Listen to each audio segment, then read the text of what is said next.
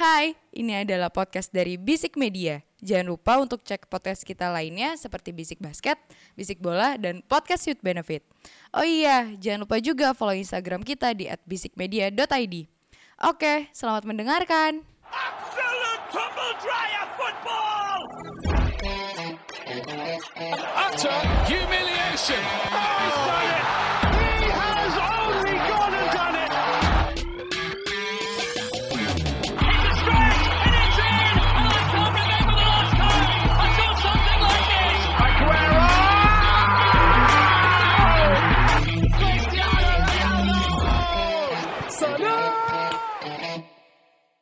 Bisik Bola. Selamat datang di Bisik Bola, sebuah podcast sepak bola yang bahas bola-bola yang bergulir mulai dari Eropa. Sampai toiletnya lu kateli. Kita bahas secara Apaan Ji? Ugal-ugalan. tapi Dia alergi ruang ganti Skotlandia. yo bagus. Dar, dar, dar. Bagus sudah bikin perkara ya kamu opening. Ya, kembali lagi bersama saya Aji SKVD MKVD. Nih, annyeonghaseyo ya ampun. Mana Halo aja bos nggak ngetek-ngetek. Halo semuanya, jangan sampai lupa sama nama gua. Gua Panji. Eh. Eh, salam kebajikan. Anjay. Oh. Salam aja sih. Assalamualaikum. Waalaikumsalam. Balik lagi sama Kai Gusti Eke Imo. Hmm, sombong, ngegolin. Udah berguna soalnya. Udah ngegolin, sombong. Eh, Anda ke mana minggu kemarin nih? Sakit pak. Makin tanya. Coba, coba, coba, perkenalkan. Saya Il Capitano Ahmad Ben Smith Italiano Cappuccino Enaknya Numero uno. Kebanyakan anjing intronya. Oke, kita langsung aja. Eh, Euro akhirnya memasuki babak knockout eh, 16 tim ya? Iya. 16 tim. Em, 14 tim itu dari eh sorry, 12 tim 16. itu dari juara grup Ya, dan sek runner sek eh, runner up. Terus ada empat tim yang eh, Best of three. be- eh, ketiga terbaik lah. Yes, betul. Ini Best of three. kalau kita lihat bagannya agak-agak lucu ya. Bagan siapa api? Sebelah sebelah. Dikelarin, dikelarin. Dikeluarin. Pelan-pelan, pelan-pelan aja. Itu jokes jokes jokes sebelum ini, sebelum ngetek kayaknya dikeluarin. Iya, Panji sudah ber- berbicara. Eh, bagan ini berat sebelah. Ya. Eh, berat sebelah kiri. Betul. ini di kiri ada eh, ada beberapa final kepagian. Ada Belgia, Portugal, ada Italia, Austri- Austria, ada Prancis, Swiss dan ada Kroasia Kroasia Spanyol. Ya. Ntar lu, tapi gue mau nanya eh, yang absen dulu nih kemarin. Mit, Hmm, nyangka Mit Italia bisa sejauh ini sampai lolos grup. Nyangka Ji Cie. eh, lu di, Iya. Minggu lalu nggak nyangka di prediksi grup lu kok ini apa pesimis lu anjing? Lu mesti tahu yang namanya merendah untuk meroket pak enggak, enggak, enggak beda, beda, beda Gini. konteksnya. Ke- Kenapa memang gua uh, agak sedikit tidak percaya Karena sebelumnya itu Italia memang 20 tu- 27 pertandingan secara berturut-turut itu menang Ji Gak Iya. pernah kalah, gak pernah seri Ah, ah. Eh gak pernah kalah, maaf Unbeaten Ah, unbeaten. Nah, gua melihat panggung besar gini punya gak mental sekuat Italia ini untuk eh, beradaptasi secara cepat Iya. dan ternyata sangat-sangat baik dengan tiga pertandingan tujuh gol dengan clean sheet-nya. Ini me- menunjukkan bagi gua dengan 11 pertandingan belakangan ini ju, eh, Italia selalu menang dan Mau clean ngomong. Juve, mau ngomong Juve. Karena kan ada pemain Juve di sini. Sedikit aja. iya. ya. Eh, apa? Gue melihat memang progres dari Mancini ini memberikan sebuah permainan yang sangat menghibur untuk pemain-pemainnya secara eh, overall. Italia sangat nyaman dengan permainan ini. Tapi memang eh, belum ada eh, tim yang memang kuat untuk dihadapin Italia. Makanya itu ketika mungkin Italia akan bisa menang lawan Austria, ah, di situ panggung besarnya Italia untuk menyajikan permainan Dia baik. ketemu Belgia atau Portugal kalau menang. Ya kan makanya itu itu ujian terutamanya Italia. Oke, let's say Australia kita eh, Austria nggak bisa kita pandang remeh ya. Karena Ah. di situ ada beberapa pemain yang memang eh, sangat senior. Ah. Eh, Alaba yang memang sekarang cenderung dijadikan CB, Ah. tapi eh, pusat Agak permainan digeser dari dia. berarti ya Iya. dari dari posisi di klub ya Iya, berarti. Karena kita tahu nih dia pernah jadi winger, pernah jadi LB, pernah jadi gelandang bertahan, Iya, gelandang iya, iya. penyerang, dan sampai akhirnya di CB dan mengatur ritme dari pertahanan. Hmm. Otomatis menurut gua ini ya di atas kertas Italia bisa lah ya. Tapi panggung sebenarnya Europa League itu kan eh, melihat Europa Euro Cup, Pak. Euro Cup. Europa Euro. League men- cupnya Aji. Oh iya. Enggak jadi Anjing, main. Iya. anjing. Eh, KPL Liverpool tahun depan. gue. betul. Soalnya kan saya kemarin berpikiran saya akan bermain di sana, tapi nggak jadi. Oh iya, Iya kan? Iya benar benar benar. Si anjing. apa nah maksud gua panggung terbesarnya Euro Cup ini kan ya itu ketemunya tim-tim dikdaya di Eropa kan nah Iya. bagi gua Italia mampu gak untuk sampai ke semifinal setidaknya kalau memang mampu ya let's say tangan Tuhan lah yang bisa membantu dia Tapi gue mau Maradona dong. Maradona berarti. iya udah mati. Iya anjing Oh, tapi tapi gue mau menggarisbawahi sedikit Itali. Itali kemarin main cukup menyerang ya, mid ya. Iya. Mereka nggak nggak bertahan bertahan banget dan itu gue rasa eh, yang bikin semua orang agak-agak terkejut ya. Eh, mungkin eh, apa? Kenapa mid faktor ya mid bisa gitu mid? faktor ini kita Faktor immobile kah? bukan Oh bukan. faktor Karena Mancini pernah ke City, Liga Inggris. Nah, Ketawa si anjing. betul dong. ya, ya, berarti cetek si anjing. Tiba-tiba dikatain cetek Gini, orang. eh, Mancini ini memang salah satu eh, punya filosofi tersendiri dalam siapa mainan eh, terlepas bahkan dari eh, dia menaungi Inter ya, yaitu bermain dengan senang-senang. Oke. ada Ini ini guys. ini filosofinya dia bermain dengan senang-senang. Ah. Dan filosofi ini tetap di panggung, eh, tetap dikasih dan dikasih dikasih dan diarahkan untuk skuad Italia zaman sekarang. Makanya kalau lu lihat Italia gimana nyerang, bermain dengan eh, sangat happy, sangat Ah. menyenangkan karena memang faktor Mancini ini yang bisa membuat ruang ganti ini menya- eh, apa ya chemistry terbentuk, kenyamanan satu sama lain dari pemain tua dan pemain muda Walaupun yang dinyatu. pemain mudanya banyak muka baru banget Iya, ya. sangat. Tapi secara potensial memang punya kualitas. Tapi itu peran penting dari Mancini ini yang bisa memainkan uh, mempadu padankan antara pemain tua dan pemain seni- uh, senior ini, eh senior dan junior ini yang memang sangat penting bagi gue. Oke. Kalau dari lu gimana mau buat Itali mau? Satu kata, Apa? Donnarumma terbaik. Men, dia cuma ke, dari 27 matchnya. Sorry, gue ngitung sebenarnya dari lawan Bosnia berarti Iya. sekitar 11 match. 11 match. ya. Hanya kebobolan 2, Ji. Only 2 gol. Bahkan dia masih clean sheet di Euro. Ya. Mujur banget ya PSG ya? Iya betul. Rayola kan gila duit ya. PSG kan juga musim ini gila. Eh, aturan gantiin Mendy. Enggak apa, Mendy bagus, Mendy bagus. Tapi memang Gantiin Alisson deh, gua- gimana. Jul? Donnarumma. apresiasi sebenarnya buat Donnarumma terbaik. Dan kedua juga gue sangat senang kemarin ngelihat eh, gimana Cielini Ah. walaupun karena cedera ya. Iya. Terakhir itu cedera eh, bisa m- menjaga pola pertahanan Italia karena ya gue kan sempat nanya kemarin sama bintang tamu kita tuh Bang Didi. ya Bang Didi Ah. saya lupa lagi namanya Maksudnya, Gilazio. ken- kenapa harus kenapa harus Cielini lagi Ah. gitu kan sedangkan banyak um, kan Robak Noli gak dipanggil kan sedangkan gue berharap ya udahlah masa Cielini Bonucci tuh Bonucci belum lah Cielini udah udah saatnya berhenti tapi ternyata tanpa Cielini Italia hanya butiran debu guys Eh, C- Celini itu bisa ngegolin loh. Tapi kan dianulir kan Mit, waktu itu di match kedua kalau nggak salah ya. Iya. Yang dianulir match kedua. VAR, uh, uh, yang offside ya kalau nggak salah ya. ya itu. buat sekut ya buat gue kok sekut Sikut, sikut, Oh, sikut, sikut. sikut. Enggak, kenapa? Mau mau ngomongin video 7 menit yang itu? jangan Oh. ntar aja maksud gue eh, Itali ini langkah baik buat Itali yang berhasil meregenerisasi meregenerisasi klub Regenerasi. Timnya. regenerasi timnya. Kok jadi saya kepleset ya guys tapi timnya. Kamu saya ya? karena Itali ya juga ini ada efek karena Inter menang ya dari gelandangnya Barella dan Sen, ya walaupun Sensi nggak dipanggil ya singkat gue ya. Nggak, cedera. Barella kan yang yang bermain cukup bagus. Ini efek Inter juara dan Chelsea juara champion. Karena Jorginho berhasil mempertahankan Iya. pola penyerang Eh, cukup gini. baik gitu loh. Ma- males Tapi ya. juga satu yang gue apresiasi Immobile masih menjadi lini depan yang cukup terbaik Iya. lah. Masih tajam juga gitu loh despite of kegagalan di, di Dortmund dan ketika di Lazio dia jadi top skor Liga Italia ya berhasil gitu loh. Dan satu lagi ya emang Italia kan waktu era gagal Ah. di luar Conte ya. Iya. Itu kan tidak dilatih oleh pelatih yang Kaliber lah. ya kaliber. Tapi ini kan pelatih ya, Roberto Mancini siapa yang nggak tahu. Iya. Walaupun Smith benci ya karena nggak pernah ngelatih Juve dan di Inter bagus gitu kan. Ya, buat gue ya Italia sudah menemukan polanya bisa sih membah- membahayakan sampai ke perempat final aja. Kalau dari lu gimana Jul nih buat Itali Jul? Apa mau Austrianya Oh. lu mau bahasnya?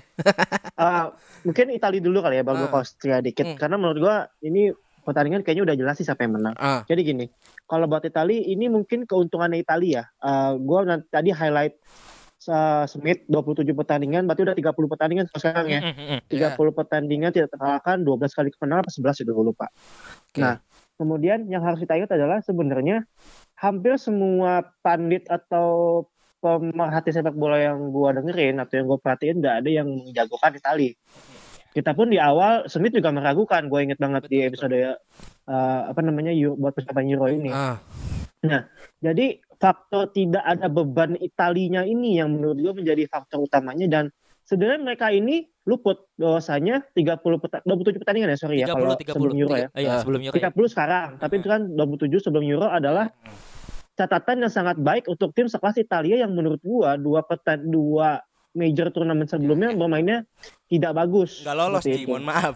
Nggak iya, lolos tidak bahkan. bagus, tidak lolos malah. Nah, jadi kombinasi antara pemain berpengalaman dalam kata dalam tanda kutip tua dengan pemain pemain pemain mudanya, menurut gua Klopp dan kemudian juga Mancini yang menurut gua juga tadi si Smith bilang main dengan senang-senang gitu. Jadi menurut gua ini cocok banget. Sama satu lagi, semua orang itu suka lupa sekua- su- eh, kualitas dari Ciro Immobile itu sebagus apa. Ya. Ini menjadi sangat-sangat luput karena kembali dilihat di Euro ini dia tuh bukan striker kaleng-kaleng kalau menurut gua. Kalau lu nggak terlalu nonton Serie A, lu nggak akan tahu kalau dia tuh sebenarnya bagus Iya. seperti itu. Gini, Ji. Nah yang akan Heeh. yang akan menjadi pertanyaan adalah eh Ciel ini bisa main apa enggak? Karena setahu gue masih cedera, ya kak? Iya, tapi udah udah ya, dia cederanya ringan kok, udah bisa main. Ringan ya. Iya. Hope, hopefully cedera kemudian ada pertanyaan juga Florenzi, Florenzi masih belum fit setahu Iya, gua. masih belum fit ya. Nah jadi kalau menurut lu Mit, gue tanya nih, kan lu kan masternya Itali nih. Iya. Lo prefer Di Lorenzo atau Tol Toloi, Tolo Rafael Toloi, Toloi, ya? toloi, toloi. Toloi. Kalau gua prefer mana yang gini, main? eh, Mancini jelas akan mainin di Florenzi. Karena Oke. ini Di pemain Lorenzo. ya di Lorenzo karena memang ini pemain yang sangat pe- punya- penuh skill dan sangat eh, sangat Main di balance mana, Mit? di Napoli. Oh, Napoli. Ini sangat balance ketika dia menyerang maupun eh, dia overlap maupun bertahan. Dan ini yang memang Ah. sangat dibutuhkan karena kalau kita tahu Cocok nggak sih gayanya sama yang sekarang berarti? cocok banget Ji. Karena Napolinya kan juga nggak nggak terlalu defensif kan di Nah, liga. Iya. Golem aja tuh nggak main karena ada dia. Iya iya iya. Maksud RB gua, ya? iya. Karena bagi gue gini, Itali ini bukan faktor Donnarumma-nya. Ah. Malah gue bilang, gue bilang Donnarumma nggak ada aks- aksinya. Donnarumma tidak ada aksinya. Karena backnya bagus. Back dan lini gelandang ini yang Oke. sangat menyuas- menyesuaikan setiap ada counter attack yang berlanjut. Tapi kita mesti ada satu catatan. Ada ada tiga uh, save dari Donnarumma yang memang mutlak itu memang bagus. Ah, Itu perannya dia. ah. Tapi bagi gua komposisi pemainnya ini dan struktur pemainannya ini yang saat ketika dia menyerang dia siap untuk menyergap dari Ah. Varela, Locatelli, Warlock. ada juga beberapa Warlock. Warlock ada yang kan? ngomong Warlock nih enak nih. ada Di Lorenzo, bahkan juga ada eh, Emerson Ah. ataupun siapa kirinya? Kirinya Emerson. Apa? Emerson sama atu lagi. Emerson. Emerson sama lupa gue. Aduh. Udah, Ya, lanjut, itulah lanjut, lanjut, lanjut. Ya, itulah. Cristante. Krista eh, bukan Nah. Cristante punya eh, ini dong. Eh, DMF. Spinazzola lah. Spinazzola. Spinazzola. Wonderkid Iya, lo dulu iya, lo iya, padahal. iya, iya, Iya bagi gua eh, gini ya mau Spinazzola mau Immobile itu kan peran peran pentingnya itu Ya, ya, ketika dia masih muda ya. Ya Ah. dia kita tahu akademi Juve berarti Juventus bagus. Iya. Anjing, masih menyelip lu. Brengsek. Gini, gini eh, peran Mancini ini yang sangat penting untuk tahu di mana pemain-pemain ini diletakkan dan struktur gimana dia ketika pemain. Barella, Locatelli salah satu gelandang dari dua pemain ini Ah. yang sangat komplit. Oke. Bagi gua dia peran penting dan vitalnya. Oke. Hmm. Nah, eh, ini kan tadi Itali tuh. Gimana chance Itali dong. apaan? Gue harap Italia langkahnya panjang sih, karena gue pengen ngelihat insinya nyanyi, Dut, pendek banget pak. Iya. Berarti gitu. hilang. Kalau di samping apa Celini apa Bonucci? Celini anjing timpang banget, boy. Ka- kamera jalan set, twing ke bawah. Sialannya, lu mau tau gak? Eh, Insigne kalau misalnya ada anak kecil di depannya, selalu dikasih yang paling gede anak kecil. lu lihat deh. gue suka banget liat insinya nyanyi gitu kan. Oke, eh, itu itu tadi Itali ya. Eh, kita ke laga panas selanjutnya di bagian kiri ini ada gue langsung ke atasnya aja ada Belgia lawan Portugal. Ah, fucking shit tim ya eh, Portugal seperti yang sudah kita lihat di em, apa namanya? grup stage di mana eh, dengan skuad yang banjir pemain seperti itu ya cuma begitu doang bisanya. Malah Belgia yang digadang-gadang generasi emasnya udah mau habis, malah bisa bisa menggigit lumayan menggigit lah di apa di grup stage. Kalau menurut Panji gimana Nji nih antara Belgia sama Portugal? Oke, ini pertandingan seru ya kalau menurut gue ya. Nah, Hmm. tapi kalau kalau gue pribadi sendiri, uh, gue lebih prefer ke Belgium sebenarnya. Oke. Karena begini, kalau lo inget uh, uh, apa namanya yang kemarin rekaman itu mengatakan kalau misalnya Portugal iya mainnya 3-0. Iya. Cuma mainnya jelek. Oh, enggak, Iya. Hungaria doang, It- cu, masa it- mainnya jelek kayak gitu kan. Itu gue yang ngomong, gue masih ingat. Nah, nah. terus eh menurut gua harusnya Belgia ini kan kata kata lo kata lo bilang tadi generasi emasnya udah mau habis ya. Iya. Nah, malah kalau menurut gue ini mereka harusnya dari lagi peak-peaknya nih harusnya nih, Oh, harusnya. Oke. harusnya karena Lukaku di Inter lagi gacor banget, De Ah. Bruyne di uh, di City juga lagi bagus-bagusnya. Menurut Ya, gue ya. dua pemain ini yang menjadi faktor utamanya. Kenapa Anda gitu. sebutkan dua pemain itu Panji? Lukaku dan De Bruyne Panji. Kenapa lu nggak sekalian Oh, iya. salahnya? Aduh, kan Itu itulah co- itulah contoh kenapa Chelsea itu nggak sabaran. Betul. Baik, baik, lanjut. Ah, kita bandingkan dengan Portugal yang menurut gua masih banget Ronaldo sentris. Itu masih banget. Hmm. Uh, Oke, kita tahu uh, PFA Player of the Year adalah Ruben Dias. Ah. Di City dia luar biasa. Tapi kalau misalnya partnernya jelek, gimana? Tapi Pepe Portugal masih udah bagus, Jul. Port Portugal ah Pepe masih bagus, Jul.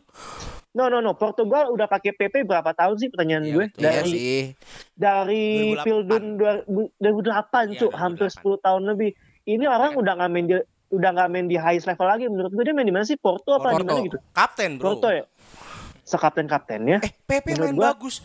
Menyingkirkan Juventus dari Liga Champion, Panji. ah itu itu beda lagi itu beda lagi cerita. menurut Itu gue dendam pribadi saya aja. menurut gue emang ini ya gue yang agak bingung dengan Portugal adalah gini sebenarnya depannya dia tuh nggak jelek-jelek amat ada Diogo Jota ada Bos, Bruno itu Fernandes Apa lini Ada depan ngeri Bernardo banget, Silva. cuy. Ya, ya. gimana Lini depan paling ngeri setelah Inggris itu. Ya, boleh. Portugal Heeh. Hmm, boleh. Nah, tapi sama satu lagi yang harus ingin gue highlight adalah dua pertandingan dan dua pertandingan ya tiga pertandingan terakhir Portugal. Pemain yang dielu-elukan fans United Bruno Fernandes itu nggak kelihatan sama sekali. Seakan-akan Portugal main dengan 10 pemain. Ini orang kema- nggak nggak terus ini gue bukan Ji, ji, bahas ji, apa ji, gimana ya. Panji, tapi ini Panji, Hah? catatan gue jangan lu pakai semua dong. tapi emang ini orang nggak kelihatan sama sekali. Kalau menurut gua emang Bruno Fernandes di United itu emang penalty merchant aja sebenarnya dia tuh nggak akan terlalu kelihatan dengan tim yang sebenarnya sentralnya nggak di dia. Kalau misalnya yang sentralnya nggak di dia dia nggak akan kelihatan. Ini masalahnya. Seharusnya Bruno Fernandes menjadi aktor tengah yang pulling string di tengahnya Portugal tetapi nggak kelihatan sama sekali itu PR-nya Portugal. Belgia udah lengkap banget ya di De Bruyne. Menurut gua tetap Belgium sih yang lolos. Ah, kalau menurut gua eh, justifikasinya adalah ya kata-kata lu yang tadi karena ya lu udah sebut tadi kesalahannya karena sentralnya bukan Bruno Fernandes. Di sini seingat gua bolanya di Carvalho sama Pereira. Ya. Yang di mana menurut gua itu tidak jalan. Seju- sejujurnya Ji, kalau bicara Carvalho, buat gue ya, Ah, memang sebenarnya Portugal ini kan mau tipikal main eh, dua DMF bekerja Ah, ah. dan kreativitas ada tiga depan. Karena Nggak tiga-tiganya bisa. itu benar-benar tiga-tiga yang kreatif ya. Ah, ah. Jota kan menusuk. ah, ah. Nah memang aliran bola terputus. Sebenarnya kalau gue sebenarnya menonton Danilo Pereira di PSG lumayan, Iya. lumayan. Iya. Mungkin karena eh Per Pereira gue singkat gue pernah main bareng Carvalho dan ada Chemistry tapi kayaknya emang kurang sih. Ya, Kalau mau, kalau mau kayak gitu menurut gue segitiganya terbalik kakinya bukan di bawah pak, Betul. kakinya di atas. Iya sih. Jadi dia pakai dua AMF, satu DMF. Ya ya. ya. Astagfirullah itu berarti pelatihnya. Santos. Ah, ah. ya menurut gue Jota, Jota kerja keras waktu. Nih gue gue gue eh, bahas match pertama mereka di grup stage lagi. Soalnya itu sangat-sangat ampas tapi eh, ada di kepala gue terus dan itu mengganggu sangat mengganggu gue. Ya itu kembali lagi pemain tidak mau turun semuanya. Apa aliran bola nggak jelas ke mana, lini tengahnya kosong, ada gap di situ. Gimana mau apa mau menang? Dan harusnya Bruno Fernandes itu di situ juga harusnya bisa lebih liquid kayak di MU turun ke bawah kayak ke tengah, bukan ditaruh diendepin ke depan buat ngasih ke Ronaldo doang. Ronaldo emang udah tugasnya di depan doang gitu loh. Ya. Itu kalau menurut gue. Eh, ada yang mau nambahin? Gue masuk dikit nih mungkin. Sebenarnya uh, unfortunately back kanan terbaik Portugal kan cedera, Joao Iya. Cancelo. Ah. Bahkan belum pernah Ah. main karena di match awal itu dipakai Semedo. Karena di match kedua ketika dibantai oleh Semedo nggak guna tuh anjing kemarin. Betul, dibantai oleh timnya kayak Havertz. Saya nggak menyebut negara tapi timnya aja. Jerman. Iya betul. Dan Rudiger ya kan. Ini banyak sekali kesalahan dari wingback. Gue gue Ah. feeling nih eh, kalau Joao kan selalu dipasang, sepertinya tidak akan 4-2 sih. Tapi tetap 3, 3-2 shootnya karena ada beberapa gol eh, yang tercipta dari winger, sisi pencerangan winger. Itu satu. Nah, gue sangat menyayangkan apalagi penggantinya walaupun Diego Dalot pernah bermain di tim besar, tapi kan gagal ya. Dan di Milan sebenarnya lagi rebound. Nah, gue sangat berharap Anjing. Santos cobalah dirotasi untuk Diego Dalo main gitu loh. Dan kalau Portugal ya memang jangan sampai jadi penyakit Argentina. Eh, kalau misalnya eh, IMF duet si Felix sama Fernandes gimana menurut kalian? Felix sebenarnya. Felix. Ah, menurut lu gimana, Mit? Gini, Kalau gue ya Dengan depannya tetap sama ya eh, Jota, Ronaldo sama siapa satu lagi tadi? Bernardo. Ah, Bernardo tapi Silva. tengahnya jadi segitiganya terbalik, depannya Fernandes sama Felix. em, Fe- Felix Felix mungkin akan diletakin di Winger. menurut gue ya akan Ah. diletakin di winger di Oh, Jota. digeser Di Jota, berarti. di. Jota. Hmm. Eh, masalah Portugal itu bukan tentang siapa yang menyuplai menjadi eh, lini gelandang yang kreatif bla bla bla bla. Dengan komposisi yang ada, ini udah sangat bagus. Sebenarnya. Cuman ekspektasi di lapangan yang memang cenderung sangat-sangat berkurang. Contoh, dia punya dua eh, pemain yang pe- sangat-sangat kreatif dan memang tulang punggungnya dari tim masing-masing. Hmm. Bernardo Silva dan Bruno Fernandes. Ini yang memang jadi kompleks ketika Bruno Fernandes disamoi, di, di- dimainkan dengan Ben- eh, dengan Bruno Bernardo. Fernandes Hmm. atau Bernardo eh, Silva. Ini memang akan menjadi sebuah aliran bola yang putus. Benar kata Imo, Jota ini memang menusuk. Jota ini memang menusuk. eh, Bernardo memang punya kreativitas, Bruno dengan punya kreativitasnya, Ronaldo tinggal finishing. Tapi gimana aliran bola ini main kan? Hmm, hmm. Jota kita tahu ini salah satu pemain yang finishingnya bagus, tapi dia punya ego tinggi. Iya. Mutlak. Salah- coba coba kalau Panji dicocokkan bener nggak Nji kira-kira? Setuju, setuju. Ah. Eh, Jangan disetujuin omongan gue.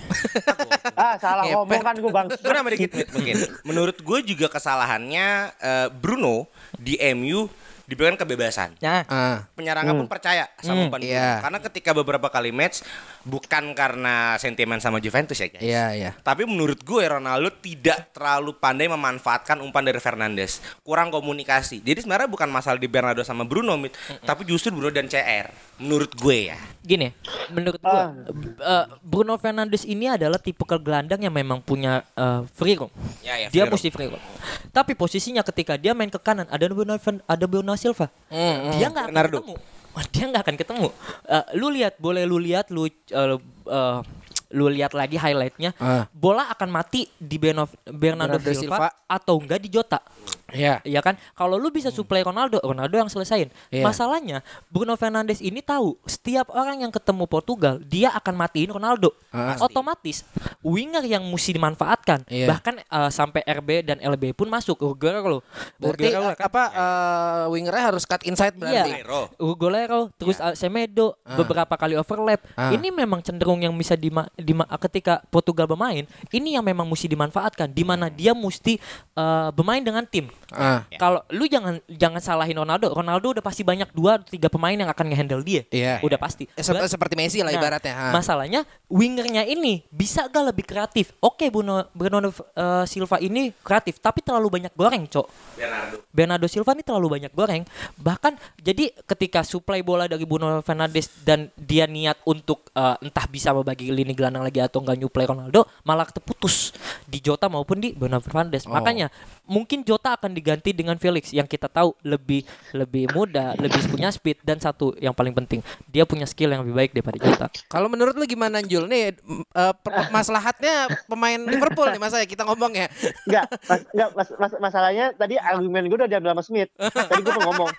Lu, pat- lu patahin gua, gua patahin balik. Ya, tadi gue pengen ngomong. Jota ganti aja sama Felix masukin. Nah, karena gue kan gue kan Liverpool gue tau Jota ya. Ah, Gue lebih Jota itu kan pemain nusuk lari cepet bisa dibilang eksplosif lah. iya, Gue lebih prefer kalau Jota itu masuk ke babak kedua gitu. Hmm. Kalau misalnya emang deadlock ya. tenaga Taruhlah, tambahan Jota ya berarti ya. Nah, ah, Felix emang lebih skillful, lebih lebih stylish lah kita bisa bilang. Iya. Cuma kan kalau buat daya ledak, daya ledak menang Jota kalau menurut gua. Iya. Kalau misalnya udah deadlock baru lo masukin Jota seperti itu. Tapi udah diambil sama Smith tadi ya udahlah. ya ya wajar kalau Jota jadi super sub kan udah biasa di klubnya kayak gitu ya. iya betul betul. Nunggu ada cedera masuk. Ya. Tapi tapi ta- gua tapi gitu. dia nyuplainya Luis Suarez. Iya. Jangan lupa. Iya. Ah Jota, Jota di Oh. Jo, sorry Jota. Fe- Eh, gua kira Felix. Iya. Sedikit-sedikit buat Felix. berbagi ya. Mungkin tambah dikit. salah. Untuk gue pengen berharap di gelandang jangan William Carvalho sama Pereira. Coba Ruben Neves. Ruben Neves. Dia bisa lebih maju. Ruben Neves setuju. Ya, Oh, oke oke sedikit. oke. Setuju setuju Nah, setuju. sedikit gue buat Belgia. Belgia ya, kita belum ngomongin Belgia nih dari tadi nih. Kapten Hazard, Bro. Kalau kalau Belgia ini Torgennya bagus tuh anjing. Betul. Ma- Ini- masih masih kepake Hazard. Laut aja Iya. bos. ini nih, gue gue pengen ngomong dikit Belgia. Belgia Portugal ini salah satu pemain eh, s- match yang akan ditunggu-tunggu pemain eh, bahkan sampai menonton ya. Karena kita tahu nih, dia punya eh, penyerang yang solid. Ya. Cenderung dengan gelandang yang sangat kreatif juga. Tapi dia punya kerapuan di sisi defensif. Defensif. Ya kan? Vermeulen Vertonghen mesti dipanggil, Bro. ya kan? Bagi bagi gue eh, siapa pun yang akan punya kesalahan sedikit apa pun itu dalam hal lini gelan eh, lini gelandang menyuplai ke depan atau enggak dari lini defense menyuplai ke bela- ke gelandang Ah. Dan dia kehancuran dengan satu gol, bola pasti lebih asik untuk ditonton. Gue berharap ada gol yang terjadi di babak pertama. Tapi kalau kalau kita ngomong eh, defensive line-nya Belgia ya, emang menurut gue emang rada ketetaran sih kalau dapat bola panjang atau trupas. Iya. gue nggak tahu kenapa kayak apa ya udah udah udah bukan umurnya kali ya buat ngejar bola-bola kenceng kayak gitu. Ya. Dan satu lagi yang paling enak. Ji. Setiap lini gelandang dari dua dua tim ini selalu punya eh, peran penting untuk nutup target man-nya dia, Lukaku maupun Ronaldo. Iya. Ya kan? Yang perhati praktis nih ya, permainan akan lebih leluasa dari lini sisi ka- kanan ataupun kiri. Iya. Dan ini berarti yang ngadu winger sama ngadu Nah, pivot berarti. iya. Dan ini pasti pertandingan akan lebih seru banget. Mutlak bagi gue. Dan kalau lihat kan kita tidak lagi data ya. Ah, ah. Lini gela- eh, defensif atau backnya Belgia semuanya 30 plus kecuali Denayer. Ini Aha. sebuah permasalahan untuk Roberto Martinez karena juga sampai detik ini saya belum mendengar ada back Belgia bagus. Ah, iya iya iya kecuali iya mungkin benar. Leonard dan Docker ya. Ah. Itu Indo- juga DMF kan? Iya DMF. Ede, sekarang gini Ede, Vermaelen aja masih dipanggil. Vissel Kobe bro. Vissel Kobe bro. Dipanggil. Lanjut lanjut lanjut. Ini buat gue cukup aneh. Ah. Ini harus jadi PR Roberto Martinez ke depannya Tetapi mungkin di lini kiper Ya mungkin Courtois kan seperti De Gea di MU 3 tahun lalu ya. Tapi kalau kalau kalau kita ah, kalau kita ngomong kayak gini ya Moya yang lo bilang tadi back 30 eh, kaget gitu. eh mungkin eh, Diego Jota akan sangat berguna di di pertandingan Iya, ini. Mengacak-acak.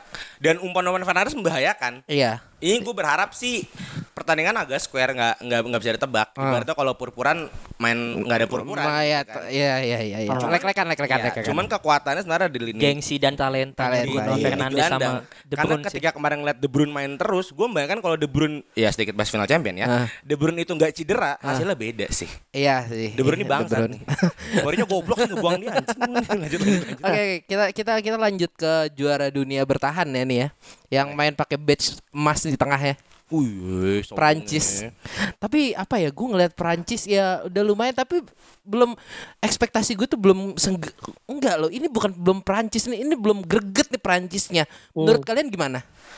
Mereka akan lawan Swiss ya. dengan dengan datangnya Benzema ini terlihat sangat jelas ya Mbappe dan Griezmann agak sedikit longgar Agak sedikit longgar gimana Mit maksudnya? Eh, dalam hal ke ruang Ji. ruang ruang nembak bahkan juga suplai bola ke depan atau enggak eh, skill solo individunya ini Oke. sangat berkurang tapi dengan adanya Benzema ini melengkapi finish yang terbaik kan kita tahu Oh, iya. F1 nggak bisa disamakan sama Gorka kan Nggak, tapi tapi betul, tapi, tapi betul, gini loh, betul, gue gue gue mengamini Smith itu eh, apa? Gue gue nggak mengira dengan umur yang udah lumayan tua, Benzema masih bisa ngacir pak. oh iya jelas tiga dua tiga tiga itu masih masih bagus lah apalagi kalau dia ke Tapi Itali. tapi strike, Iya, si anjing, Kan ujungnya ke makin jadi. Itali. Tapi striker lu Mit Iya. kita ngomongnya. Nah, masalahnya ini eh sekarang liga apa Liga Euro ini sangat berperan penting dalam hal sisi gelandang, Ji. Ah, sisi ah. gelandang ini yang sangat berperan penting. Oke lah, let's say eh, Belgia, Portugal ini punya punya pemain-pemain bagus, ya kan? Hmm. Itali juga, ya sedikit lah ya. Tapi untuk pemain eh, model mes- eh, tim seperti Prancis maupun Inggris yang mainnya punya apa ya em, gelandangnya cenderung box to box, Hah? ini pasti akan sangat keteteran pak. Inggris ada Mon, Inggris ada Mon, Mon ada Mon lagi isoman bro. Iya bener. Mon juga IMF kok. Iya. anjing pasangnya. Lanjut. jadi bagi gue, eh, kenapa mutlak Prancis nggak enak dilihat? Gue- ini iya. karena sisi gelandang yang nggak ada kreativitasnya. Iya, karena iya. let's say cuma ada Robi, eh, Rabiot, Pogba, oke lah Pogba ada. Cuman Pogba kan tiga tahun ini kan Kante kan Iya, iya. box to box. Iya lanjut lanjut. Pogba ini kan tiga tahun cenderung ini lebih ke arah defensif. Defensif, iya, kan? iya, betul, betul. Tapi deng- timnya. Iya, Iya. iya, salah timnya. Ngapa hancurin lagi Juve lu? Nah, salahnya ini ketika Pogba main lagi eh, ada beberapa miss yang nggak bisa dilakuin. Iya. Ya, tapi kita nggak bisa salahin Pogba karena Pogba ada juga asis yang sangat baik. Iya. Sangat bagus juga untuk menyuplai Ada bola. beberapa pressing Iya. juga kemarin. Tapi yang gue lihat ini ini momen keredupannya Mbappe gak sih? Ya sangat. Baru pengen ngomong. Betul. Mbappe eh, dari tiga match dari laporan Opta, Opta Joe. Hah? Ini eh, statistik bola ya. Iya. Ratingnya nggak pernah nyampe 7. 68, 67, 69. Walaupun dengan positioning dan lari yang segitu bagusnya. Sepertinya, sepertinya ketika di 2018 Mbappe bersinar, sangat bersinar Ah. karena kan emang strikernya bisa membuka ruang untuk Mbappe. Ah. Mbappe bisa menguasai lini depan. Ah. Tapi sekarang harus berbagi peran sama Benzema. Dan buat gue ini momen offside Benzema setelah kasus bokepnya ya. Dan dia bisa bersinar buat gue. Eh terintimidasi dengan aura abang-abangannya Benzema mungkin. Mungkin dan mungkin karena tugas Mbappe bukan lagi sebagai eh, last man untuk di depan, finishing ya iya tetapi justru sebagai second striker yang menopang Benzema atau untuk menahan bola-bola muntahan dari Benzema. Dia kalau kalau menurut lu pas di PSG lebih se last man sama Neymar apa apa dia yang apa striker kedua lah ibaratnya. Menurut gua karena di, Gaya- PS, di PSG gaya dia lebih mainnya beda. Iya, betul. Oh, oke. di di di Prancis 2018 itu dia sering banget Sering. dimainin sebagai CF CF. Karena Iya, nggak ada tandemannya Griezmann Iya. yang sampah setelah di Barcelona ya, Iya. dan Giroud yang nendangnya juga amburadul. karena Ah. karena kalau kita tahu Giroud pun banyakan cadangan kan Iya. Ah. Ya kan Gimana? dia striker di 18 dipakai mid, Iya, tapi cuman- nol gol. Iya. striker striker tiang lah Striker tiang, Ah. dan lebih banyak banget Mbappe itu jadi CF. Nah, Iya. sekarang berbagi peran dengan Benzema yang dua-duanya mau banget eh, Mau banget gol ya. Iya. Ya, terlepas dari itu semua ya sekarang Desam bener-bener mesti bermain dengan tim sih. Kalau lu gimana Jul untuk ini si Prancis ini? Sebenarnya gini ya, Prancis emang bener underperform. Gue nggak akan komen banyak dengan uh, Pogba. Malah menurut gue, Pogba itu akan selalu jadi lebih baik kalau dia main di timnas Prancis Oh daripada iya main di benar. MU. Itu benar. Itu udah pasti. Iya, iya. Dan iya. untuk masalah Mbappe, Benzema, Griezmann ya, menurut gue gini, eh, gaya mainnya Prancis sama gaya, gaya mainnya PSG itu beda. Maka dari itu, menurut gue Mbappe nggak akan fully functional yang benar-benar maksimal di di timnas Prancis. Karena yang menyokong dia juga beda. Kalau di Prancis sekarang kan tadi Imo bilang juga Griezmann lagi turun banget di Barcelona. Iya. Sampah Ji, bukan turun, sampah ya Ji. Nah, Underline. makanya kalau kalau mau gini aja kalau dari gua ya sebagai pengamat sepak bola amatir, lo pakai Mbappe buat lah bawa lari bola ke depan. Ah. Lo jangan mainin ben, jangan mainin Benzema kalau menurut gua malah. Lo mainin Giro. Kalau dari gua Oh, mah. berarti eh, crossing crossing dari luar ya? Iya. Ah, ah, jadi gini, at least gini, kalau misalnya kita kan Mbappe cepet ya. Ah. Jadiin jadiin aja Giro tuh jadiin eh, pemain apa ya namanya? dinding di depan itu loh. Pemantul. Pemantul, iya pemantul. Jadi di kanannya Mbappe ya hopefully Griezmann di kiri bisa nge-backup. Cuma menurut gua nggak akan bisa nge-backup juga sih sebenarnya. Ah. Gitu. Tambah dikit, menurut gua Kante juga enggak semai buat gua tahun ini tahun ta- tahun Tahunnya terbaik Kante, tahunnya Kante. sebelum Euro dimulai. Ketika di Euro buat gue peran Kante tidak terlalu sentral dalam defensif seperti waktu di Chelsea. Yang Oke. karena ketika di Chelsea Kante is everywhere. Oke. Ketika kemarin singkat gue itu tra- tra- match terakhir, Kante itu banyak sekali kepayahan dalam mengejar pemain. Gue nggak tahu ada apa dengan Kante. Gue mau lempar Tunggu, mau lempar pertanyaan. Ya nah, sedikit. Eh, justru yang gue takutkan awalnya adalah Rabiot nggak bisa ngikutin permainannya midfieldernya Prancis. Oke. Justru jantungnya ada di Rabiot ternyata saudara-saudara. Ah, saya nggak pernah mau ngomongin ini kan main Juventus tapi ya udahlah ya. Justru Rabiot bisa menyeimbangkan antara Pogba dengan Kante. Bahkan di match pertama dia man of the match. Jadi apa ya? Eh pe- pe- pe- penetral di saat Kante terlalu kenceng atau Pogba terlalu lambat mainnya. Rabiot Oke. akan mempertahankan pola itu. Oke, Buat oke, gue oke. ya apresiat terbaik. Aduh, gue nggak mau ngomong ini. Tapi untuk Aden Rabiot gitu loh. Ini bisa menyeimbangkan lini gelandangnya Prancis yang menurut gue Pogba sama Kante harus belajar banyak lagi sih Gue untuk gini, chemistry. satu hal gue nggak pernah kaget kalau pemain Juventus bagus-bagus ya. Kontol kan. Salah nih gue, tapi ya udahlah. Ta- ta- tapi, tapi tapi kayaknya Panji ada yang mau disampaikan dulu. Lu ada yang mau Ah. disampaikan lagi Jul? Tadi dari statement. ini agak agak liar sih. Kalau kita lihat ya ada beberapa pemain bintang yang menurut kita off off form banget nih. Kane turun, Mbappe turun, eh, Kante turun. Menurut lo fatigue ya sih capek mereka habis season panjang kemarin yang season gak jelas itu. Di sana jelas kok Chelsea juara. Menurut gue juga Nggak. mung- mungkin ada ada ada faktor dari situ. Karena kalau Iya kita kan? lihat juga ta- tim-tim top flight. Mereka kan dari tim-tim top, top flight yang di mana eh, pada nyampe semifinal atau minimal quarter final Champions atau Europa League yang di mana itu baru selesai itu bulan-bulan Februari Maret kan itu. Dan itu Iya. juga lu cuma sebulan dua bulan kalau nggak salah istirahatnya. Dan lu langsung langsung apa training sama timnas ya. Menurut gua Iya, ada, ada ada benernya juga ini apa eh, teori lu barusan. Satu lagi Oh, buat itu- Prancis. Osman Dembel nggak usah dimainin. Pak baru main 13 menit cedera langsung. Dia pengganti, Iya, Pak. dia pengganti nih. Eh. Main bentar diganti lagi. Udahlah Dembel pensiun. Dembel pensiun aja. Kenapa Jul? Mubazir banget ya. Eh, Kenapa Ji? kenapa Jul? Ada yang mau tambahin lagi nggak? Cukup cukup. Nah, lu dari lu Met ada yang mau tambahin lagi nggak lu Met? Nggak ada langsung ke Swiss aja kali gue ya. Gue bingung membahas Swiss. ini ini ini negara yang aneh nih Ji. ah, kenapa? Kalah, seri, Hmm. ya kan? Tiba-tiba menang, Iya. masuk. Ah. Ah, Kalah seri menang kayak Denmark berarti. Iya, bahkan mesti uh, menang gede juga dia lawan Turki kan. Ah. Iya, 4-1 ya. Ah. Apa 3-1.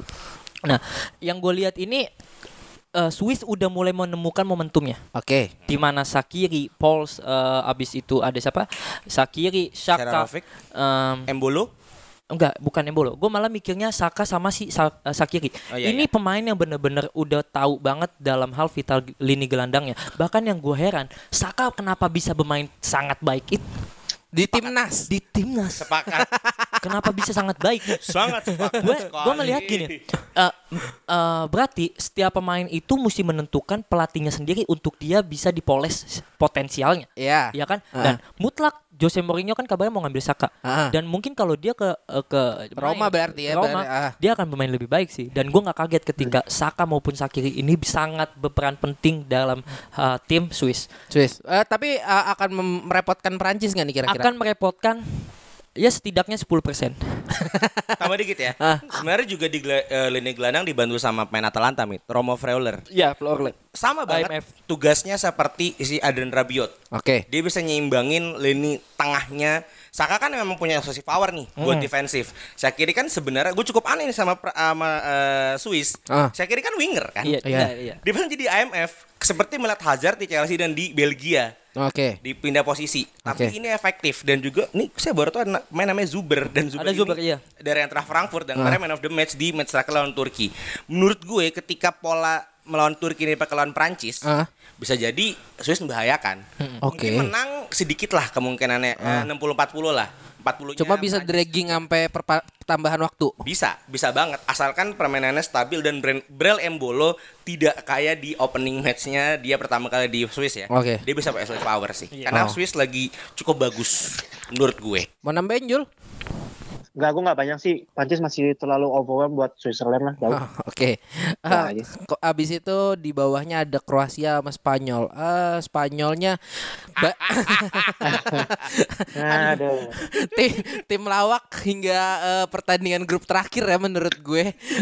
ada yang mau masuk duluan nggak nih soal Spanyol Ah, dan Kroasia. Kroasia itu berarti Modric ya? Modric. Eh, ya Modric yang Dan ya. Kovacic.